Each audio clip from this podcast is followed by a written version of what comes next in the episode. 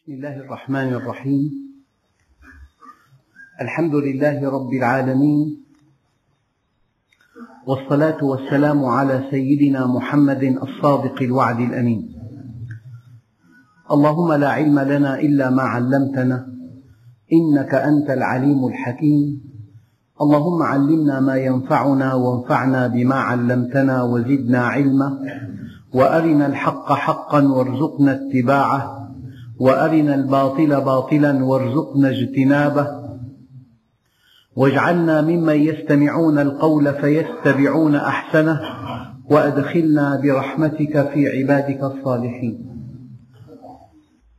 أيها الإخوة المؤمنون مع الدرس الثاني عشر من دروس سورة النساء ومع الآية السادسة والعشرين وهي قوله تعالى يريد الله ليبين لكم ويهديكم سنن الذين من قبلكم ويتوب عليكم والله عليم حكيم. أولا الله جل جلاله ذات كاملة. هذه الذات الكاملة لا تريد إلا الخير إلا من رحم ربك ولذلك خلقهم. خلقهم ليرحمهم خلقهم ليسعدهم. هذا أصل في الخلق. كما أن المركبة صنعت لتسير لكن لا بد لها من مكبح. والمكبح يتناقض مع السير يوقف السير. لكن حاجة المركبة إلى المكبح حاجة أساسية ومصيرية لأن المكبح يضمن سلامتها. كذلك المصائب في الدنيا أساسها ضمان سلامة الإنسان. لأن الله عز وجل يقول ولنذيقنهم من العذاب الأدنى دون العذاب الأكبر لعلهم يرجعون. فالله سبحانه وتعالى يريد يقول ابن عباس رضي الله عنه وعن أبيه في سورة النساء ثمان آيات لأمة محمد صلى الله عليه وسلم هي خير لها مما تطلع عليه الشمس وتغرب. في سورة النساء ثمان آيات لأمة محمد صلى الله عليه وسلم هي خير لها مما تطلع عليه الشمس وتغرب. الأولى يريد الله ليبين لكم ويهديكم سنن الذين من قبلكم ويتوب عليكم والله عليم حكيم. والثانية والله يريد أن يتوب عليكم ويريد الذين يتبعون الشهوات أن تميلوا ميلا عظيما. الثالثة يريد الله أن يخفف عنكم وخلق الإنسان ضعيفا. الرابعة إن تجتنبوا كبائر ما تنهون عنه نكفر عنكم سيئاتكم وندخلكم مدخلا كريما. الخامسة إن الله لا يغفر أن يشرك به ويغفر ما دون ذلك لمن يشاء ومن يشرك بالله فقد افترى إثما عظيما. السادسة ومن يعمل سوءا أو يظلم نفسه ثم يستغفر الله يجد الله غفورا رحيما. السابعة إن الله لا يظلم مثقال ذرة وإن تك حسنة يضاعفها ويؤتي من لدنه أجرا عظيما. والثامنة ما يفعل الله بعذابكم إن شكرتم وآمنتم. هذه الآيات أيها الإخوة كلها في سورة النساء. وخير لأمة محمد صلى الله عليه وسلم مما تطلع عليه الشمس أو تغرب. الآية الأولى. يريد الله يعني الله عز وجل إرادته أن يهدينا أن يعرفنا بذاته أن يعرفنا طريق سلامتنا وسعادتنا. أما هذا الذي يقول لك خلقنا ليشقينا. خلقنا للنار. هذا الكلام يتناقض مع هذه الآية. الله عز وجل يقول يريد الله ليبين لكم. معناها الهداية أحد أكبر الأهداف الكبرى التي يستهدفها الدين. ينبغي أن تهتدي. أن تهتدي إلى الحقيقة الكبرى. أن تهتدي إلى الحقيقة الوحيدة في الكون. إنها الله. إذا كل شيء يقربك من هذه الحقيقة هو الحق. وكل شيء يبعدك عن هذه الحقيقة هو الباطل. النبي عليه الصلاة والسلام في بعض الأحاديث يقول ما من شيء يقربكم إلى الله إلا أمرتكم به. وما من شيء يبعدكم عن الله عز وجل إلا نهيتكم عنه. معنى ذلك في بالكون حقيقة واحدة هي الله. هو مصدر السعادة ومصدر الأمن ومصدر السلام. بيده النصر بيده التوفيق بيده العزة بيده العطاء بيده المنع بيده كل شيء. فإذا عرفته وتقربت إليه فقد حققت الهدف الذي من أجله خلقت. وإذا غفلت عنه وابتعدت عنه فقد خسرت خسرانا مبينا. بل إن البشر لا يزيدون عن رجلين.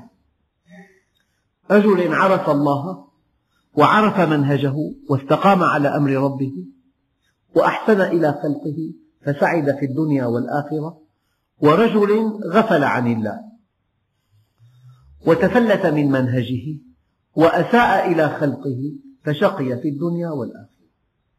إذا يريد الله أن يهدينا. لذلك هناك كلمات يرددها بعضهم. يعني لك سبحان الله بالله ضال ضال هذا كلام كفر. الله عز وجل أراد أن يهدينا جميعا. أراد أن يعرفنا جميعا. لكن الإنسان مخير. الإنسان قد يرفض أن يتعرف إلى الله. الإنسان مخير بالمناسبة. ومعنى مخير يعني يريد أن يفعل ما يختار. إذا أحيانا يسمح الله لمعصية لكنه لم يأمر بها ولم يرضى بها. لم يأمر ولم يرضى لكنه أراد. معنى أراد أي سمح. يعني أنت أعطيت إنسان حرية اختيار وأردت أن تمتحنه. فإذا منعته من فعل اختياره فقد ألغيت اختياره. ولو شئنا لآتينا كل نفس هدى. يعني لو شئنا أن نلغي اختياركم لو شئنا أن نلغي هويتكم لو شئنا أن نلغي الأمانة والتكليف لو شئنا أن نلغي اختياركم وأجبرناكم على شيء ما أجبرناكم إلا على الهدى. ولو شئنا لآتينا كل نفس هداها. لكن حقيقة الإنسان أنه مخير. من شاء فليؤمن ومن شاء فليكفر. إنا هديناه السبيل إما شاكرا وإما كفورا. وقال الذين أشركوا لو شاء الله ما أشركنا ولا آباؤنا ولا حرمنا من شيء. كذلك كذب الذين من قبلهم حتى ذاقوا بأسنا. قل هل عندكم من علم فتخرجوه لنا؟ آيات كثيرة تؤكد بشكل قطعي أن الإنسان مخير. فما علاقة إرادة الله باختيار الإنسان؟ إرادة الله مع اختيار الإنسان أن يسمح له أن يفعل ما يريد. ولكن لا على حساب أحد. وكذلك نولي بعض الظالمين بعضا بما كانوا يكسبون. قد يختار الإنسان أن يسرق لكن لا يستطيع أن يسرق ممن يشاء. يسرق ممن سمح الله له أن يسرق منه فقط. إذا أنت مخير وسمح الله لك أو أراد أن تحقق اختيارك ولكن لا على مزاجك بل على توجيه من الله عز وجل. وكذلك نولي بعض الظالمين بعضا بما كانوا يكسبون الظالم صوت الله ينتقم به ثم ينتقم منه. إن يمسسك الله بضر فلا كاشف له إلا هو. وإن يردك بخير فهو على كل شيء قدير. ما قال إن يردك الله بضر؟ الضر ليس مرادا من الله عز وجل. يعني للتقريب. مدرسة من أعلى مستوى.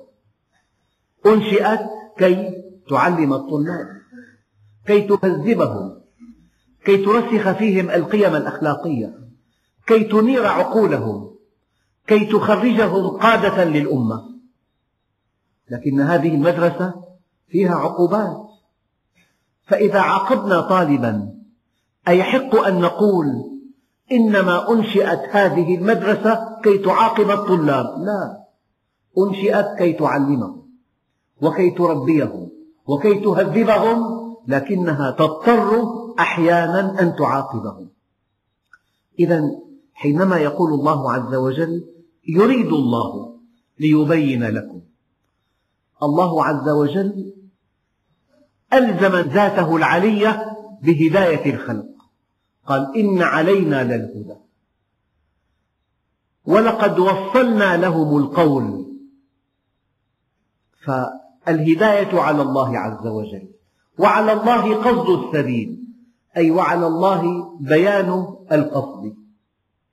إذا أول إرادة من إرادات الله سبحانه وتعالى أن يهدينا إليه. وأن يعرفنا بذاته وأن يبين الطريق إليه كي نسلم وكي نسعد في الدنيا والآخرة. يريد الله ليبين لكم. وما هذا الكتاب إلا تبيان لنا. وما بعثة الأنبياء والمرسلين إلا تبيان لنا. وما الكتب السماوية إلا تبيان لنا. وما الدعاة في الأرض إلا تبيان لنا.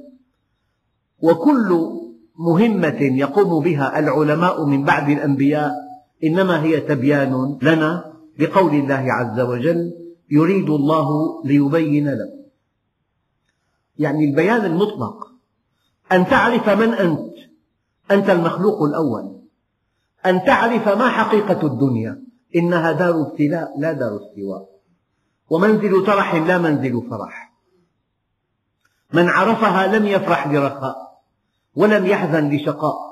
قد جعلها الله دار بلوى وجعل الآخرة دار عقبة فجعل بلاء الدنيا لعطاء الآخرة سببا وجعل عطاء الآخرة من بلوى الدنيا عوضا.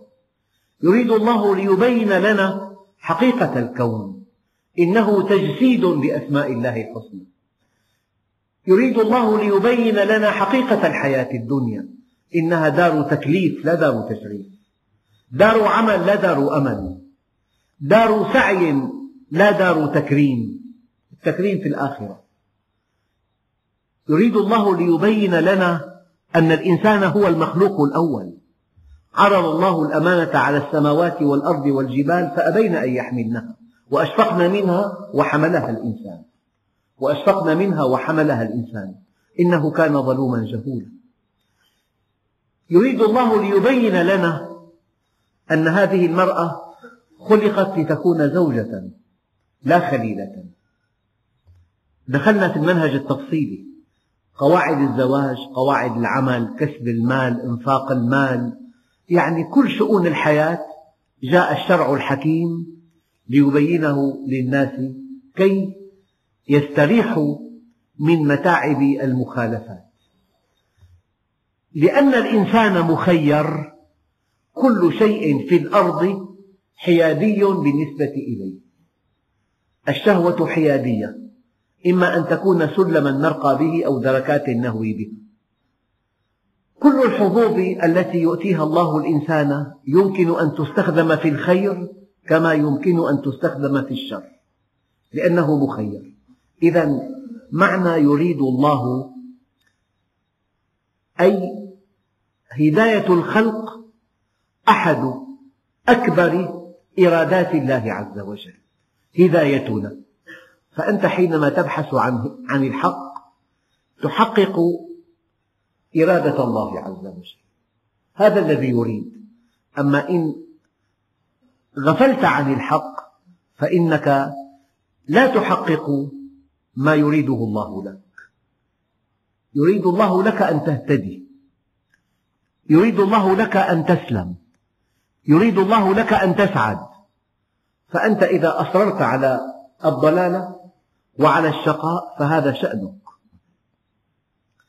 الآن علاقة إرادة الله بإرادة الإنسان ما دام الإنسان مخيرا فإرادة الله تقتضي أن يسمح له أن يفعل ما يريد. ولكن لا على حساب أحد. يعني الظالم صوت الله ينتقم به ثم ينتقم منه.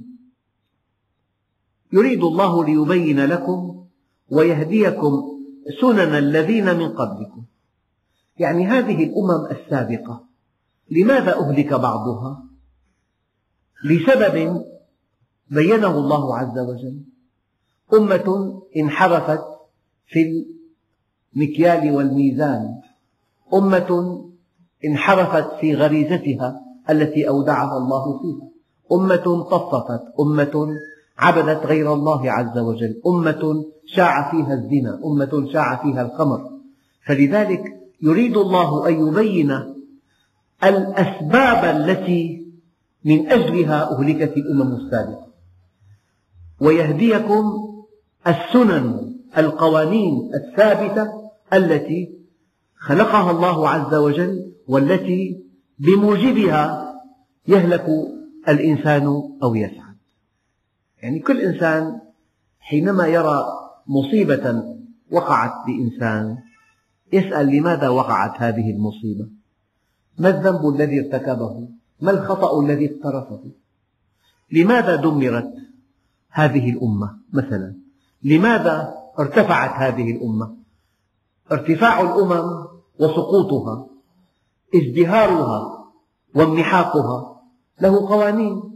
فكأن الله سبحانه وتعالى بين هذه القوانين التي بها ترقى الأمم وبها تسقط الأمم. من أجل ماذا؟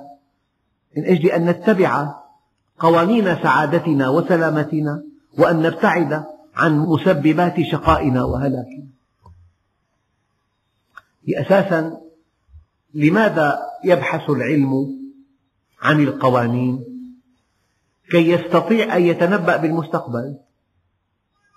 نحن حينما لا ندع فراغا بينيا في الأبنية ويأتي شهور الصيف والحديد يتمدد يتصدع البناء لأن المعادن تتمدد بالحرارة. هذا القانون يعيننا على أن نصمم بناء فيه فواصل تمدد. من أجل ألا يتصدع. فأنت حينما تكتشف قوانين الله عز وجل من أجل ألا تقع تحت سطوتها من أجل أن تنجو من شقاء الدنيا وعذاب الآخرة. أنت لماذا تعرف قانون السقوط؟ لأنك إن أردت أن تسقط بمظلة ينبغي أن تكون المظلة مدروسة اتساع حجمها يتناسب مع مقاومة الهواء ومع وزنك. إذا تنزل سالما. فكأن الله سبحانه وتعالى حينما يقول يريد الله ليبين لكم ويهديكم سنن الذين من قبلكم أي هذه القوانين الثابتة التي لا تتبدل ولا تتغير. نعم. ويهديكم سنن الذين من قبلكم ويتوب عليكم. من أجل أن تستغفروا من ذنوبكم وأن يقبل الله استغفاركم وتوبتكم. والله عليم حكيم. إذا أحد الأهداف الكبرى من بعثة الأنبياء ومن إرسال الرسل ومن إنزال الكتب أن يبين لنا الله عز وجل أن هؤلاء القوم أهلكوا بذنب كذا وهؤلاء القوم أهلكوا بذنب كذا. فأما ثمود فأهلكوا بالطاغية وأما عاد فأهلكوا بريح صرصر عاتية سخرها عليهم سبع ليال وثمانية أيام حسوما فترى القوم فيها صرعى كأنهم أعجاز نخل خاوية. هؤلاء طغوا في البلاد فأكثروا فيها الفساد فصب عليهم ربك سوط عذاب إن ربك لبالمرصاد. وأما ثمود فهديناهم فاستحبوا العمى على الهدى. إذا القوانين التي يبينها الله لنا جل جلاله في هلاك الأمم وفي رقي الأمم من أجل أن ننتفع بهذه القوانين فنسعد ونسلم في دنيانا وأخرانا. والله عليم حكيم. طب ألا يعلم من خلق؟ العلم المطلق هو للخالق. يا أيها الذين آمنوا اعبدوا ربكم الذي خلقكم. العلم المطلق للخالق. ثم يقول الله عز وجل والله يريد أن يتوب عليكم. الحقيقة الإنسان أودعت فيه الشهوات والشهوات متغلغلة أعمق التغلغل في, في الإنسان. ففي ساعة غفلة أو ساعة ضعف قد يقع الإنسان في معصية. لو أن الله سبحانه وتعالى لم يشرع التوبة إطلاقا. ما الذي يحصل؟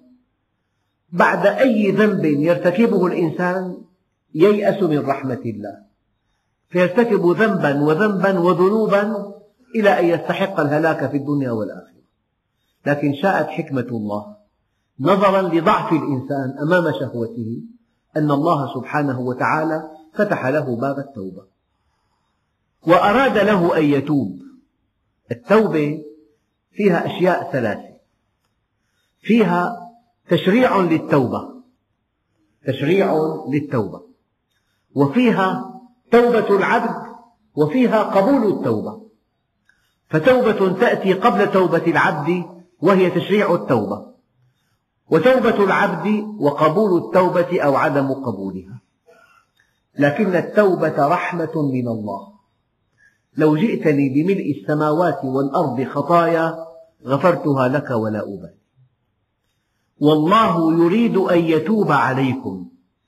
إن الله يحب التوابين ويحب المتطهرين يحبهم. معنى ذلك إنك حينما تتوب إلى الله الله يفرح بتوبتك. تفرح الله عز وجل بفرح يليق بجلاله وكماله. لله أفرح بتوبة عبده من الضال الواجد والعقيم الوالد والظمآن الوارد. لماذا يفرح الله بتوبتك؟ لأنه خلقك ليسعدك. لأنه خلقك ليسعدك. لذلك يفرح بتوبتك. الإرادة الثانية أولا أراد أن يبين لنا.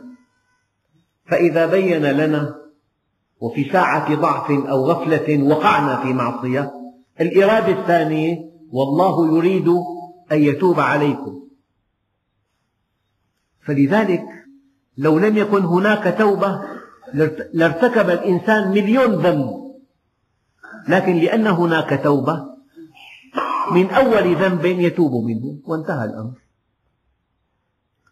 والله يريد أن يتوب عليكم. هذه الآية أيها الإخوة دقيقة جدا. الله عز وجل الإله العظيم والرب الحكيم يبين لنا لماذا خلقنا. هذا بيان مهم جدا. كل ما يقوله عامة الناس كلام باطل. يريد أن يبين لنا. يريد أن يهدينا. يعني كلمات يقولها أناس كثيرون تتناقض مع القرآن الكريم. الآن إذا وقعنا في خطأ الله جل جلاله يريد أن يتوب علينا. بل إن بعضهم يقول ما فتح الله لنا باب التوبة إلا ليتوب علينا؟ وما فتح الله لنا باب الاستغفار إلا ليغفر لنا؟ وما فتح الله لنا باب الدعاء إلا ليجيبنا؟ أمرنا أن ندعوه ليجيبنا؟ وأمرنا أن نستغفره ليغفر لنا؟ وأمرنا أن نتوب إليه ليتوب علينا؟ لأن الله سبحانه وتعالى يريد أن يتوب علينا شرع لنا التوبة. قل يا عبادي الذين أسرفوا على أنفسهم لا تقنطوا من رحمة الله. إن الله يغفر الذنوب جميعا. رحمتي وسعت كل شيء وأنت شيء. فأغلب الظن أن رحمة الله عز وجل تسع كل الذنوب والآثام. لذلك إنه لا ييأس من روح الله إلا القوم الكافرون. الكافر يائس والكافر قانط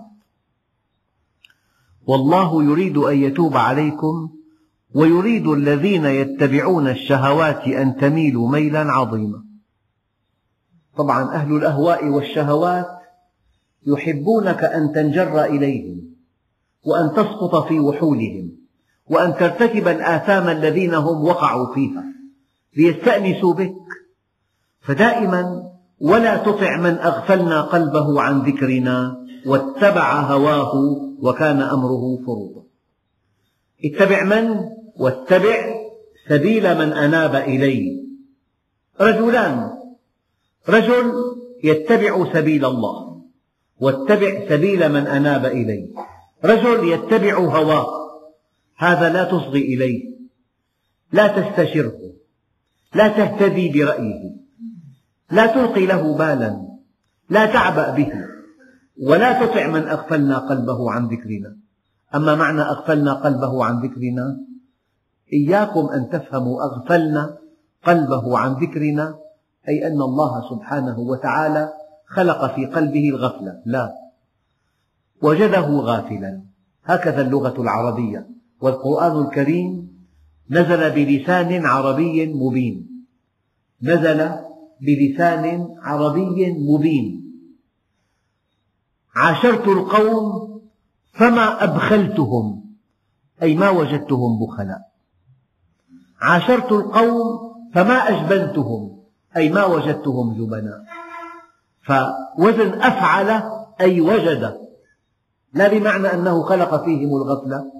ولا تطع من أغفلنا قلبه من وجدنا قلبه غافلا عن ذكرنا. لأنه غفل عن ذكر الله عز وجل اتبع هواه. أرأيت الذي يكذب بالدين؟ فذلك الذي يدع اليتيم. فإن لم يستجيبوا لك فاعلم أنما يتبعون أهواءهم. طريقان لا ثالث لهما. إن لم تكن على طريق الحق فأنت على طريق الباطل. فإن لم يستجيبوا لك فاعلم أنما يتبعون أهواءهم. يعني طريقان لا ثالث لهما طريق الحق أو طريق الهوى. طريق الجنة أو طريق النار. طريق الخير أو طريق الشر. طريق الدنيا أو طريق الآخرة. والله يريد أن يتوب عليكم ويريد الذين يتبعون الشهوات أن تميلوا أي أن تنحرفوا. ميلا عظيما. أن تميلوا ميلا عظيما. وكلما أمعن الإنسان في المعصية فرح أهل الباطل.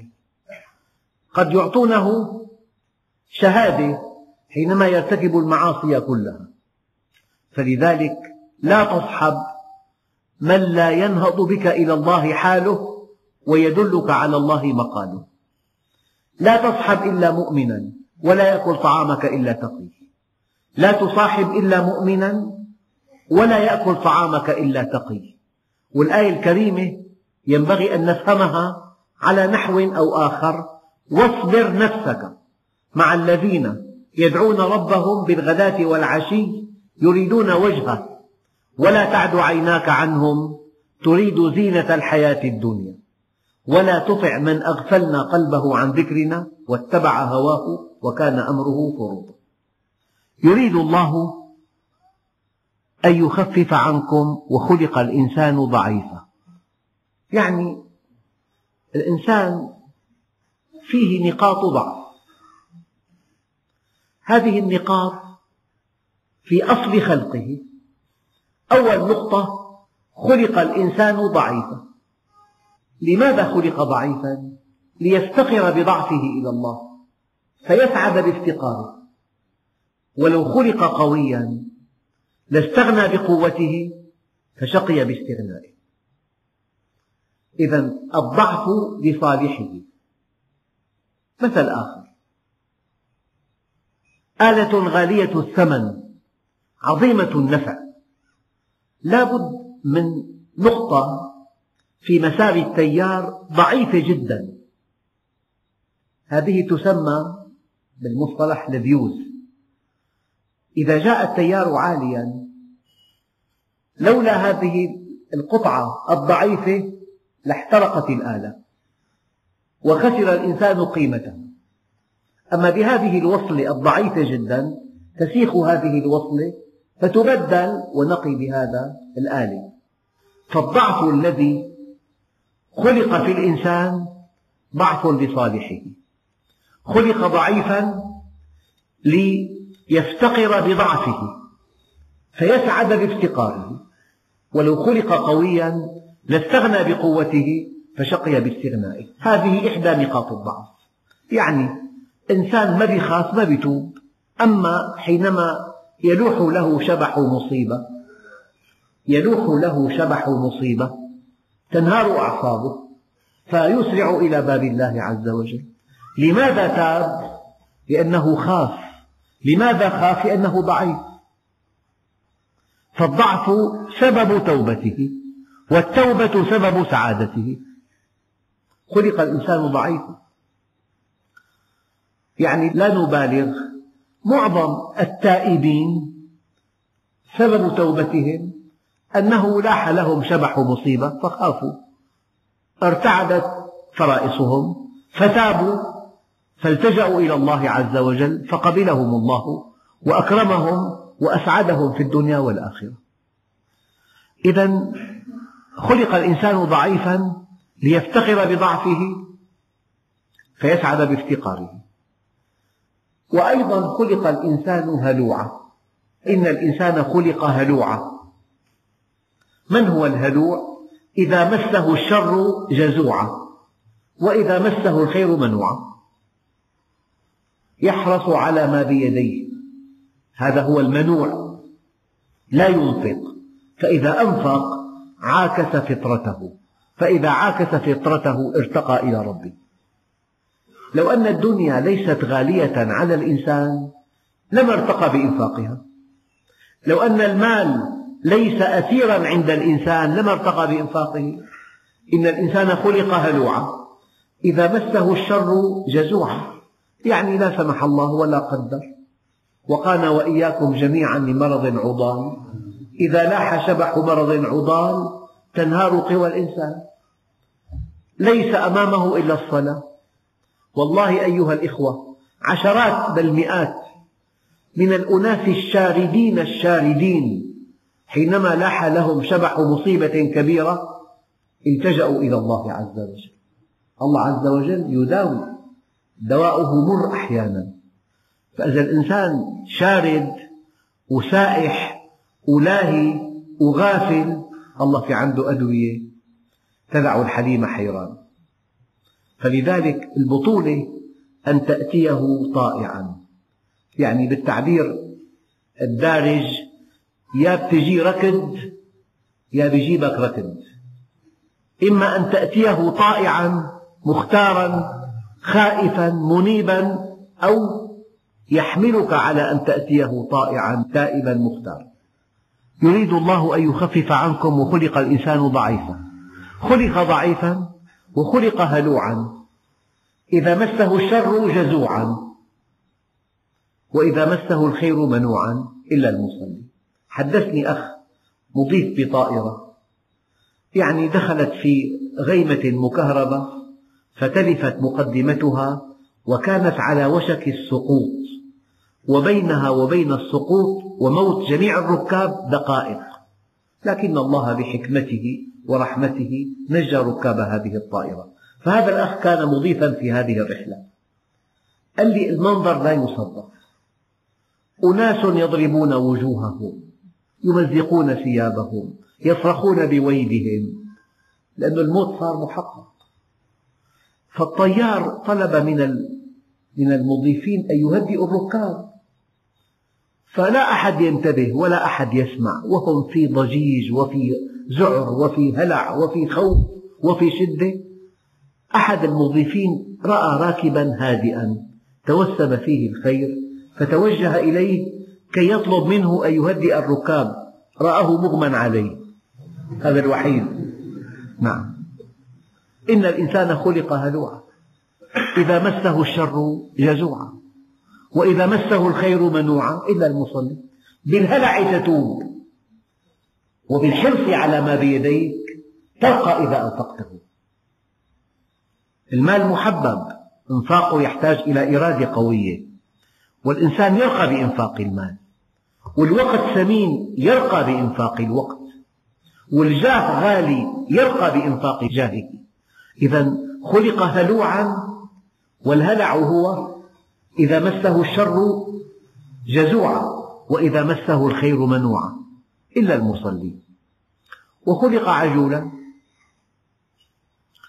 يريد الشيء أمامه على عجل فالمؤمن ماذا فعل؟ أعرض عن العاجلة واختار الآجلة إذا اختار عكس فطرته. طبع الناس جميعا أن يختاروا العاجل. معظم الناس يعيشون وقتهم في متعة راهنة يمارسها في شهوة محرمة يقتنصها في مال محبب يأكله حراما. عاجل لأنه أمام إيديه. أما المؤمن رسم هدف بعيد جدا. هو يسعى لما بعد الموت. إذا لما اختار هدف بعيد يعني عاكس طبعه. فلما عاكس طبعه ارتقى إلى الله عز وجل. فالله عز وجل يقول يريد الله أن يخفف عنكم وخلق الإنسان ضعيفا. حينما بين لنا وحينما أراد لنا أن نتوب لأنه يعلم ضعفنا أمام الشهوات. فحينما يضعف الإنسان أمام شهوته في له باب مفتوح باب التوبة. فكأن هذه التوبة تخفف عنه العبء. سبحان الله لما الإنسان يتوب إلى الله توبة نصوحة يشعر أن جبالا قد أزيحت عن كاهله التائب من الذنب كمن لا ذنب له. التائب من الذنب كمن لا ذنب له. حينما تتوب إلى الله عز وجل تشعر يقينا أن جبالا ضاغطة أزيحت عن كاهلك يريد الله أن يخفف عنكم وخلق الإنسان ضعيفا. ثلاث إرادات إلهية عظمى. الإرادة الأولى يريد الله ليبين لكم. الإرادة الثانية يريد الله أن يتوب عليكم. الإرادة الثالثة يريد الله أن يخفف عنكم. يعني هذا الذي يفعل السيئات لا سمح الله ولا قدر. هذا الذي يقترف الآثام. أو هذا الذي يبني مجده على أنقاض الآخرين. يبني أمنه على خوف الآخرين يبني حياته على موت الآخرين يبني غناه على إفقار الآخرين. هذا حينما يعود إلى فطرته تعذبه فطرته عذابا لا يوصف. لذلك ورد في بعض الأحاديث في الجامع الصغير إن العار ليلزم المرء يوم القيامة حتى يقول يا رب لإرسالك بي إلى النار أهون علي مما ألقى. وإنه ليعلم ما فيها من شدة العذاب. فالله عز وجل حينما دعانا إلى معرفته وإلى طاعته وإلى التوبة أراد أن يخفف عنا. الإنسان أحيانا لو أن طفل مثلا مثل سرق قلما من صديقه ثم اشتكى صاحب القلم المفقود. إلى المعلم. والمعلم أغلق الباب وفتش الطلاب. فإذا خرج هذا القلم من جيب الطفل السارق تحمل من الخزي والعار ما لا يحتمل. فالله عز وجل يعلم ما سيكون. إن الذين كفروا ينادون لمقت الله أكبر من مقتكم أنفسكم إذ تدعون إلى الإيمان فتكفرون. الله عز وجل يقول إن الذين كفروا ينادون لمقت الله أكبر من مقتكم أنفسكم إذ تدعون إلى الإيمان فتكفرون. يعني إذا أب وجد ابنه لا يدرس ولا يداوم مع رفقاء السوء.